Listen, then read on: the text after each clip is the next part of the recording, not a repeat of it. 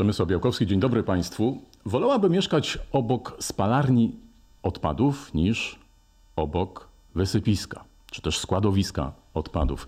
O odpadach wie właściwie wszystko i myślę, że tak milion albo i dwa miliony razy odpowiedziała na pytanie, a do którego pojemnika to czy tam to wyrzucić? Za moment sprawdzimy, czy odpowie na kolejne pytania. Monika Michalska-Szulc, edukatorka ekologiczna, znana w mediach społecznościowych jako pani od odpadów. Dzień dobry Moniko, witaj. Dzień dobry. Szklanka. Do jakiego kontenera? Pusta, jak już wypijesz i jak ci się stłucze przede wszystkim, albo i nie stłucze, ale postanowisz wymienić zastawę do y, kosza czarnego, czyli do odpadów zmieszanych. No co ja mogę powiedzieć? No nie, nie zaskoczę cię chyba e, niczym. Oczywiście, że tak, chociaż gdy ja się o tym dowiedziałem, dla mnie to było zaskakujące i zakładam, że dla wielu osób może być. E, jakie są dla ciebie takie najciekawsze e, pytania albo naj, najdziwniejsze reakcje, gdy mówisz o tym, że to do takiego kontenera, a to do takiego? Dla mnie najdziwniejsze pytania są, e, mam dwie kategorie takich pytań, czyli te e, najbardziej oczywiste, kiedy ktoś mnie czasami pyta, gdzie wyrzucić na przykład karton po mleku. E, mnie wydaje się, że to już jakby wszyscy powinni wiedzieć, a jednak są ludzie, którzy nadal pytają mnie, oczywiście do tworzyw sztucznych, czyli ten żółty pojemnik. I druga kategoria, czyli biegun przeciwny, na przykład gdzie wyrzucić narty, rolki, gdzie wyrzucić e, garnki, e, jakieś takie sztućce metalowe i tak dalej, bo o to też ludzie pytają. Więc tutaj mam dwa takie bieguny częstych, dziwnych pytań, które jeszcze mnie potrafią zaskoczyć.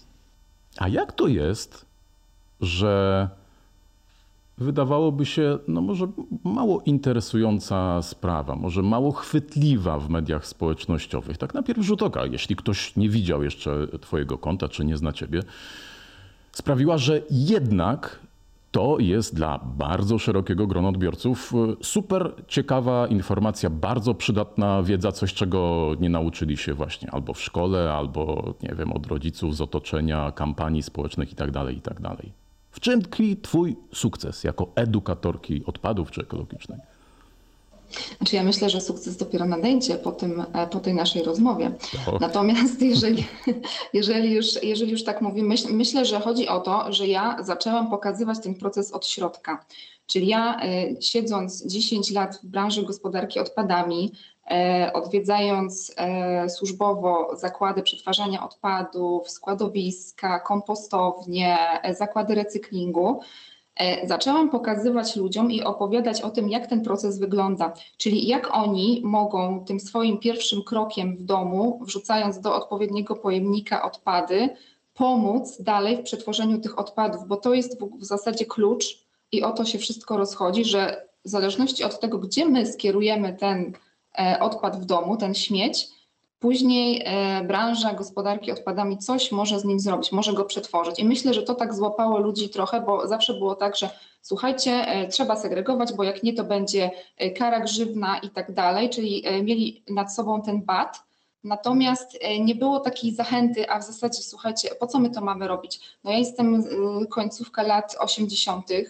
XIX wieku i niestety... XIX? Nie, wyglądasz młodziej. Ojej, przepraszam.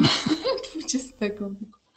I e, im na przykład ja nie miałam takiej edukacji e, typowo, gdzie co wyrzucić. E, pochodzę z małej miejscowości, gdzie jak komuś się zepsuła lodówka, to e, na przykład lądowała w lesie i tak dalej. I myślę, że e, tego, tego ogniwa nam gdzieś brakuje i to jest myślę taki mój sukces trochę że ja zaczęłam to pokazywać od środka. No to ja teraz wrzucam trochę piasku w te tryby twojej doskonale naoliwionej maszyny edukacyjnej i ja powiem, że moim zdaniem segregacja odpadów wcale nie jest najważniejsza.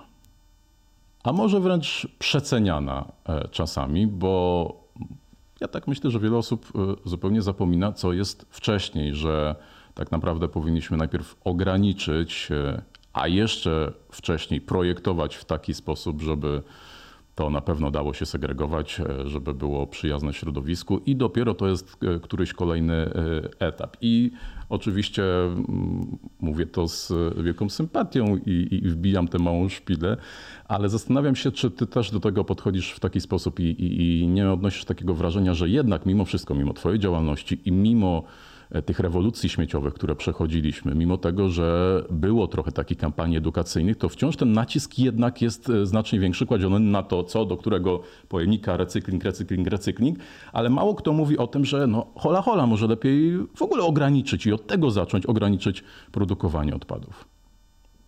Ja się w 100% z Tobą zgadzam i na szczęście już zaczynamy trochę myśleć w ten sposób, że będzie, jest to ekoprojektowanie, będą e, nowe rozporządzenia, w których będzie na przykład podane, że e, te opakowania muszą się nadawać do recyklingu, że muszą być zrobione z monomateriałów i tak dalej.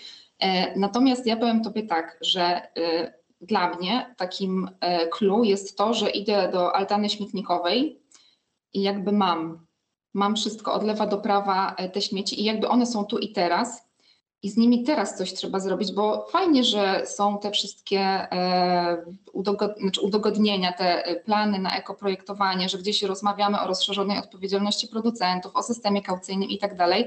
Natomiast to są jakby rozmowy, które już trwają wiele lat z których jak na razie nic wiele nie wynika, a każdego dnia śmieciarki e, przez ulice naszych miast, e, większych i mniejszych, jeżdżą i odbierają te odpady i z nimi coś trzeba robić na bieżąco.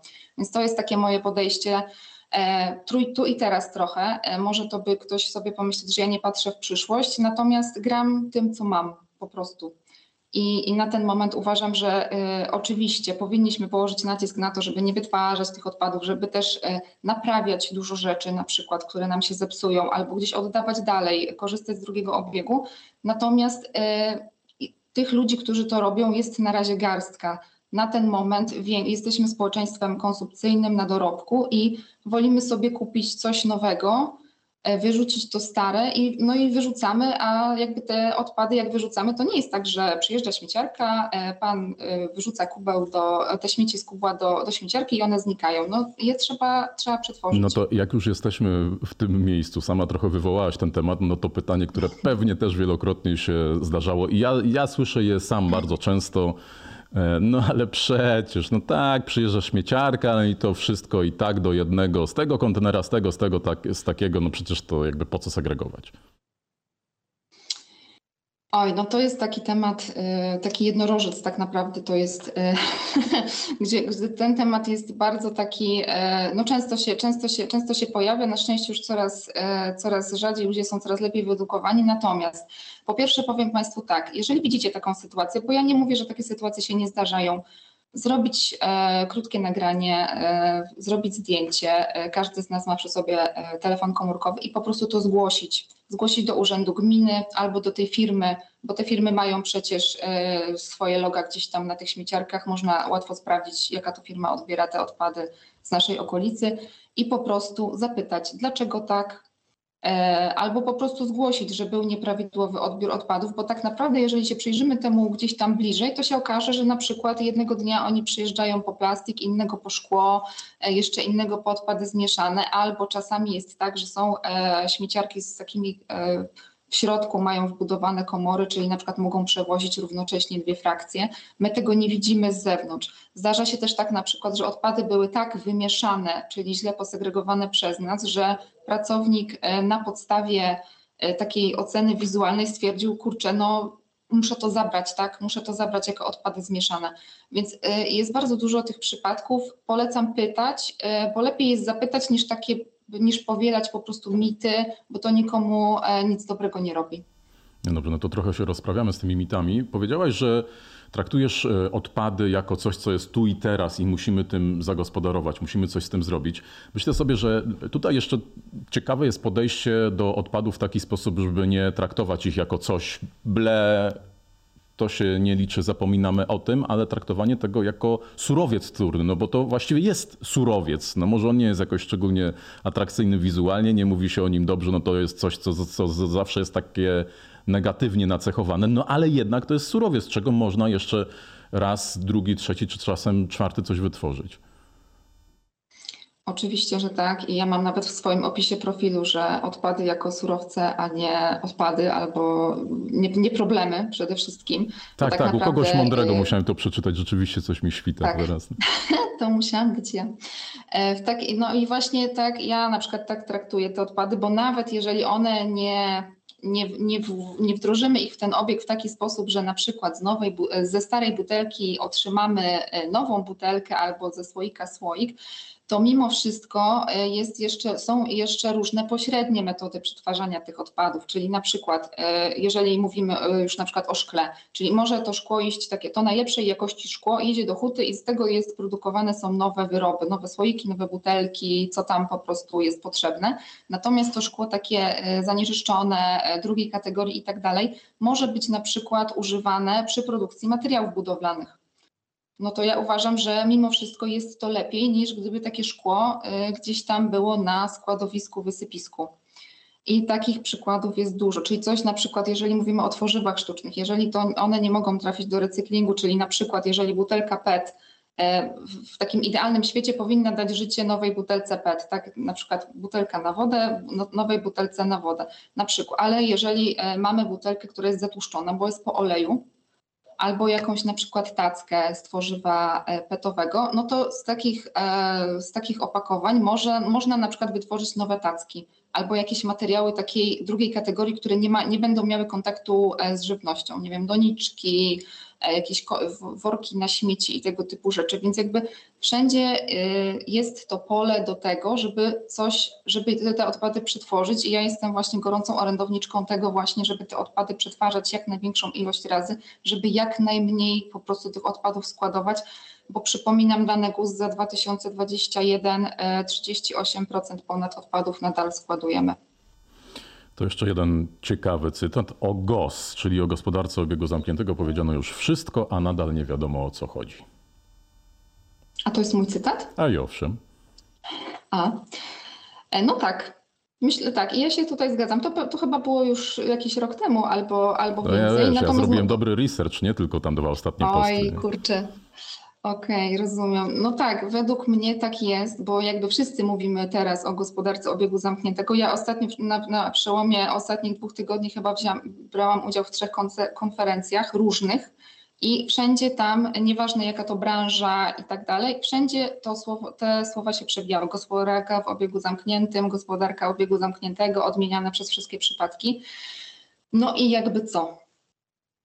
Jakby tutaj wydaje mi się, że ludzie e, trochę e, przeceniają e, prezentację w PowerPoincie ponad jakby, że to nie wszystko, że trzeba jeszcze wdrożyć ten GOS do takich działań codziennych, czyli jeżeli mamy dużą fabrykę produkcyjną, to nie chodzi tylko o to, żeby recyklingować odpady, które powstają jakby po tych naszych produktach, ale to też chodzi o to, żeby na przykład recyklingować wodę żeby na przykład e, oszczędzać energię, albo jeżeli są takie możliwości, a są zakłady, gdzie są, na przykład zawracać tą energię do innych procesów, czyli jeżeli mam nadmiar energii, mogę ją wykorzystać na przykład do suszenia surowców jakichś tam powiedzmy produkcyjnych albo do e, szklarni na przykład ogrzewania. Jakby jest dużo takich, e, my się skupiamy GOS te na, na tych odpadach, wychodzi nam pośrednio, natomiast ten powin, to, to, powinny, to powinno być nasze DNA. Czyli my powinniśmy myśleć już na samym początku, jak robimy zatowarowanie do naszej fabryki, e, skąd my te surowce bierzemy, ile one muszą jechać, czy one muszą płynąć, później jechać pociągiem, a później jeszcze e, samochodem i tak dalej, czy na przykład mam lokalnego gdzieś dostawcę, który na przykład może mi to dostarczyć i mogę sobie jakby skrócić ten łańcuch dostaw. To powinno być wszystko i podejście kompleksowe. To nie powinien być dział w firmie, który się zajmuje GOZ-em albo ESG i jakby sam sobie działa i od czasu do czasu wysyła jakieś ankiety do uzupełnienia wszystkim osobom w firmie, bo to nigdy wtedy nie zadziała. To musi być po prostu takie koło i, albo kula śnieżna, o może lepiej i po prostu powinniśmy to napędzać, żeby to wrastało po prostu w nas, w nasze DNA, żebyśmy w końcu e, zaczęli jakby żyć tym gozem i w tym gozie tak naprawdę, byli jego częścią. To teraz pytanie już e, nie tak z kategorii, kategorii biznesowej, korporacyjnej, ale bardziej czysto konsumenckiej, znowu mhm. wokół gozu. Ja też byłem w ostatnim czasie na konferencji i, e, I tam słyszałem takie e, głosy często od osób zajmujących się właśnie tematem gospodarką obiegu zamkniętego, że no wszystko jest super, ludzie to popierają, e, ludzie są za tym, uważają, że to jest ważne, cenne, istotne dla środowiska, ale między deklaracjami a wykonaniem ta droga jest jeszcze bardzo daleka. Z czego to wynika Twoim zdaniem? Wczoraj e, byłam na takim wydarzeniu i tam było powiedziane, że był taki raport, że 83% ludzi jakby chce zmiany na lepsze, e, chce jakby chronić środowisko, ale tylko 5% e, faktycznie podejmie jakieś działania. I to jest, myślę, clue tego wszystkiego, bo my jesteśmy jednak trochę wygodni. E, I ja też jakby mówię o sobie tutaj, absolutnie się nie, e, nie wybielam, chociaż marynarkę mam może trochę e, w tym kolorze, ale generalnie chodzi o to, że na przykład jak musimy gdzieś dojechać, no to najczęściej co? Wybieramy samochód. Jak idziemy na zakupy, to najczęściej robimy je szybko, bez żadnego przygotowania, e, bierzemy wszystko, później na przykład dużo rzeczy wyrzucamy, dużo jedzenia i tak dalej. Jak są, jak jest teraz będzie okazja zobaczyć, będzie długi weekend, to zobaczycie sobie Państwo o 18 w marketach przed długim weekendem, będzie po prostu pustko, pusto, bo wszystko wykupimy bo nie wiem, e, będzie tam, nie wiem, trzy dni ciągiem wolnego i będziemy się bali, że nie wiem, tego jedzenia nam zabraknie i tak dalej. Więc jakby no my też jesteśmy może też takim e, trochę też społeczeństwem, właśnie ja to mówiłam już wcześniej, takim na dorobku, że jeżeli teraz sobie możemy na coś pozwolić, to to robimy i jakby nie zważamy jeszcze trochę na, na te konsekwencje. Brakuje tej edukacji. Ja na przykład nie, nie miałam czegoś takiego jak edukacja ekologiczna w szkole, e, więc też tak e, to, co wiem, to to gdzieś tam się dowiedziałam po prostu po drodze, już bardziej na studiach, czy nawet już w tej drodze takiej mojej zawodowej. Myślę, że to z tego wynika, że my nie wiemy jakby po co, po co to wszystko jest, bo wszyscy, jakby nam się wszystkim kojarzy, że wiesz, ograniczaj, oszczędzaj wodę, ograniczaj, wyłączaj światło, segreguj śmieci. To są same takie, wiesz, komunikaty zrób, i tak dalej, no a my jednak nie lubimy być przymuszani. A gdybyśmy to powiedzieli od innej strony i nazwali tak e, właściwie wprost marnotrawstwem, no to to jest tak, to, to wszystko o czym e, mówimy, no to jest w zasadzie marnotrawstwo. Powiedziałeś, że pójdziemy do marketu, wykupimy wszystko, co jest na półkach, albo zabraknie, albo majówka, albo to, to czy tamto. No wodę mamy, ona nie jest może szczególnie droga, stać nas na to podobnie z prądem i tak dalej, i tak dalej. Więc my to e, marnotrawimy, nie doceniamy tego, nie patrzymy ani na swój portfel, ani tak jak tutaj życzylibyśmy sobie pewnie tego oboje na e, środowisko, na które przecież to wszystko ma gigantyczny wpływ.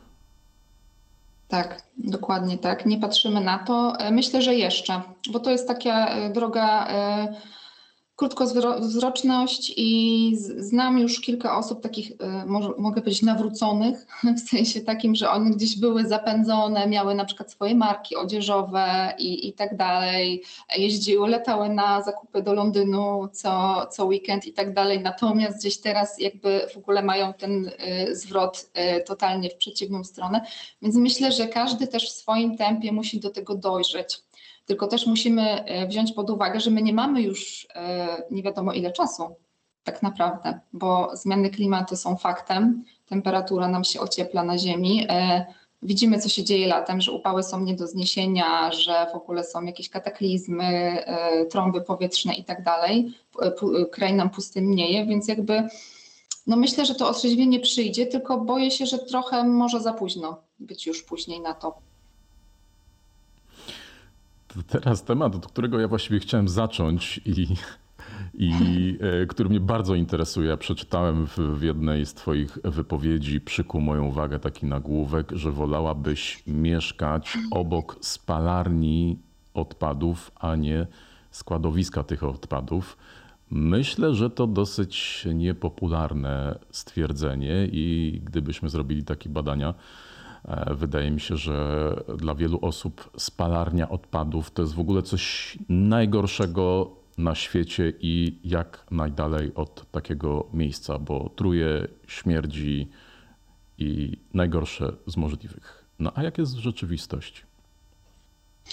Jeszcze tylko powiem, że no najchętniej to ja bym chciała mieszkać w środku lasu. Jakby I myślę, że każdy z nas tak by chciał, ale jak już właśnie e, miałabym do wyboru tylko te dwie opcje, składowisko, e, gdzie mam po prostu e, cały czas nieprzyjemny zapach, gdzie mam wokół tego składowiska, nie wiem, czy kiedyś miałeś okazję gdzieś przejeżdżać albo w ogóle A być. byłem w ogóle w środku.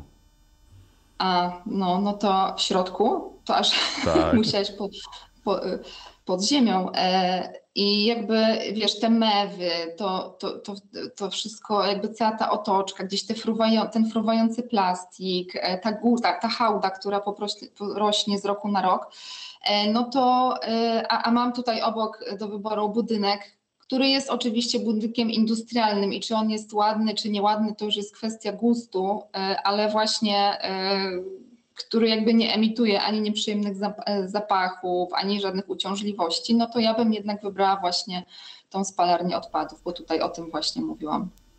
No okej, okay, dobrze, no to już znamy Twoje wybory, Twoje preferencje, no ale jednak trochę bardziej poproszę o rozwinięcie tego tematu spalarni e, odpadów. Nie mamy ich wiele w Polsce, e, mniej więcej dziesięciokrotnie Właśnie, więcej e, spalarni mają e, Niemcy. E, zastanawiam się, mm, ile tu jest takiego czarnego PR-u, a ile jakichś innych problemów, dlaczego te spalarnie nie powstają. No i czy czy to też jest dobry kierunek, no bo e, mówiliśmy przed chwilą o zaletach, o tym, jak ważne jest segregowanie odpadów i dawanie im tego drugiego, trzeciego, kolejnego życia, traktowanie ich jako surowców. No a teraz no tutaj zaczynamy e, mówić, że te spalarnie to wcale nie są złe, czyli no właściwie spalamy te surowce. No to jak to jest? Spalamy te sur znaczy surowce, to właśnie nie spalamy surowców, bo surowce to my wcześniej odzyskujemy, bo to jest tak, że ogólnie spalarnie są powołane do tego, żeby spalać odpady zmieszane resztkowe, czyli takie, które po prostu już jakby zostały posegregowane i z którymi już nic nie da się zrobić. No jest całe gro tych odpadów. E, w zasadzie w Polsce, na przykład, jeżeli mówimy o odpadach zmieszanych, to w 2021 roku wyprodukowaliśmy ponad 8 milionów ton odpadów zmieszanych. No to, jest, to są ilości bardzo duże i y, z czego jakby tylko tam y, ponad niecały milion został właśnie spalony czy tam termicznie unieszkodliwiony y, w spalarni. Częściowo też one trafiły do innych procesów współspalania, natomiast no nadal te, myślę tak 60% tych odpadów trafiły na składowiska. No i teraz wyobraźmy sobie, że że jakby nic nie robimy, zachowujemy status quo. I oczywiście będzie z jednej strony to ekoprojektowanie i, i jakby to wszystko będzie się zmieniać, ale w tempie myślę, że jak to obserwujemy, no to takim dosyć ślimaczym bym nazwała te zmiany. Odpadów ciągle przyżywa, e, przybywa, mamy to tempo ślimacze, nie budujemy nowych instalacji, czyli jakby składowiska e, muszą się rozrastać. No bo nie ma innego wyjścia, coś trzeba z tymi odpadami zrobić.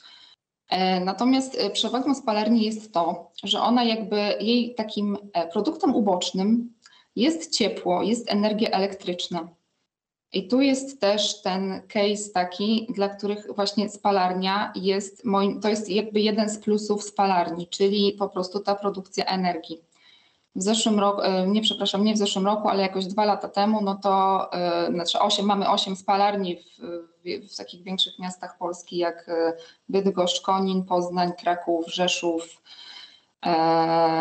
W Gdańsku się, w Gdańsku się buduje. E, w Warszawie mamy, ale w, w przebudowie, więc jakby jej bym nie, nie zliczała e, do tego, no ale w, w 2021 3,5 e, miliona gigajouli energii cieplnej wytworzyły tylko właśnie spalanie, czyli ta energia z odpadów. Dodatkowo te instalacje mogą produkować prąd, więc to są te, te przewagi, plus te odpady no nam się nie powiem, że znikają całkowicie, bo po spalaniu są e, pewne pozostałości w postaci żużli, żużla czy popiołu, natomiast ta objętość się o około 90-80% zmniejsza tych mhm. odpadów. Dobrze, a nie wdając się już w takie y, techniczne szczegóły, mhm. ale y, no to też ktoś sobie pomyśli, no skoro wjeżdża ciężarówka z tymi zmieszanymi już, jak, jak powiedziałeś, takimi, które z których nie można już nic odzyskać, z tymi e, odpadami wjeżdża do takiej spalarni, e, no to no jak to jest? Przecież wszyscy nam trąbią, a nie palić w piecach odpadami, bo to źle, bo smog, bo to, bo tamto, no a tutaj ciach. Czy to, co wylatuje tam z, z tego komina, to jest ok, a z tego naszego komina to już nie jest ok? A, to do końca nic, co wylatuje z komina, nie jest ok Jakby to powiedzmy sobie jasno. Natomiast e, o, ta ciężarówka wjeżdża, ok, tam jest w ogóle temperatura około 900 stopni Celsjusza. W naszym takim piecu domowym to jest 500-600, podejrzewam, jeżeli mamy jakąś taką dobrą sprawność jeszcze tego pieca. E, Więc już jest ta różnica w temperaturach. W spalarni się stosuje e, różne metody ograniczenia emisji, tak zwane pierwotne, związane z tym, że e, jakby z długością na przykład przebywania tych odpadów w komorze spalania, z tym ile jest tlenu w komorze spalania i tak dalej, oraz metody wtórne polegające na oczyszczaniu tych spalin, tak? Czyli najpierw je, najpierw je schładzamy, właśnie one oddają energię, później wychwytujemy z nich związki azotu, siarki e, i te wszystkie szkodliwe substancje, które są wiązane, czyli jakby nie ma ich w tych spalinach i dopiero później e, jest też specjalny dokument określający limity emisyjne. Dopiero później jest e, jakby te, te spaliny, czyli te oczyszczone spaliny są wpuszczane w komin, więc jakby tego w ogóle nie można porównać z czymś takim, jak my mamy w domu. E, bo też jak akurat mam otwartą tutaj, bo siedzę przed komputerem, e, emisję sobie można sprawdzić na bieżąco w każdej spalarni. Akurat mam otwartą w Bydgoszczy i to się odświeża, czyli jakby mam na bieżąco, widzę teraz w tym momencie, ile na przykład, jakie są limity emisyjne i jaka jest emisja na ten moment w spalarni w Bydgoszczy. To sobie można sprawdzić też. E, Do tego mają podgląd też urzędy, takie jak Wojewódzki Inspektorat Ochrony Środowiska, który jeżeli na przykład e, zobaczy, że jest jakieś przekroczenie, no to może w każdym momencie przerwać pracę takiej instalacji, więc to jest naprawdę obwarowane dużą ilością e, e, limitów i po prostu jest to sprawdzane. Te metody e, te oczyszczania spalin są ciągle udoskonalane, więc to w ogóle to nie jest tak, że jakby wiecie Państwo, że sobie wszystko, e, znaczy jakby spa, spala się tak wszystko, natomiast e, no to, to nie jest tak, że nikt nad tym nie panuje. Tam pracuje e, sztab ludzi, którzy są odpowiedzialni za to, za, za całość tego procesu i jakby tam nie ma miejsca na błędy. To jeszcze jedno pytanie na koniec. A jak my sobie radzimy na tle innych krajów? To już tak kompleksowo, nie mam na myśli już samych spalarni, tylko tego, o czym rozmawialiśmy e, przed chwilą. Po- po- Podejdę do tego trochę inaczej niż wszyscy. E, Powiem tak, jesteśmy lepsi niż na przykład Rumunia, Węgry, e, może nawet Czechy i Słowacja, z tego względu, że oni mają dużo, e, jakby mają nie do Czyli końca rozwinięty Szklanka do połowy pełna. Oczywiście. Oni mają nie do końca rozwinięty system segregacji, jeszcze tej zbiórki selektywnej, więc jakby my tutaj jesteśmy, to, są, to jest nasza przewaga nad tymi krajami, bo ja uważam wbrew wszystkiemu, że ta selektywna zbiórka u nas wcale tak źle nie wygląda, jak się o tym wszędzie mówi. E, Natomiast, no wiadomo, e, taki nasz benchmark, czyli kraje skandynawskie, Niemcy, ale to jest też, e, ja nie lubię takich, takiego porównywania, bo to jest, wiesz, jakbyś porównywał, nie wiem, mleko i wodę, no nie da się, ale Niemcy budowali już swoje pierwsze spalarnie w latach 60., więc jakby o czym my tutaj mówimy? Na ten, na ten moment na przykład też może to będzie ciekawostką, może nie, ale odpady z Polski jeżdżą, jeździły teraz w tym, jak był, by, była, były te miesiące zimne, zimowe, jeździły na przykład do Niemiec, bo tam wszyscy się przestawili nagle na tą na produkcję e, energii z odpadów i potrzebowali tych odpadów z Polski właśnie, żeby sobie tą energię wytworzyć. No bo były te zawirowania na rynku energii, więc jakby e, każdy ma swoje plusy i minusy. E, Nam jeszcze trochę brakuje, ale nie plasowałabym nas absolutnie w jakimś ogonku europejskim na pewno. Bardzo optymistycznie, że to jest pozytywne. bardzo pozytywnie. A jeśli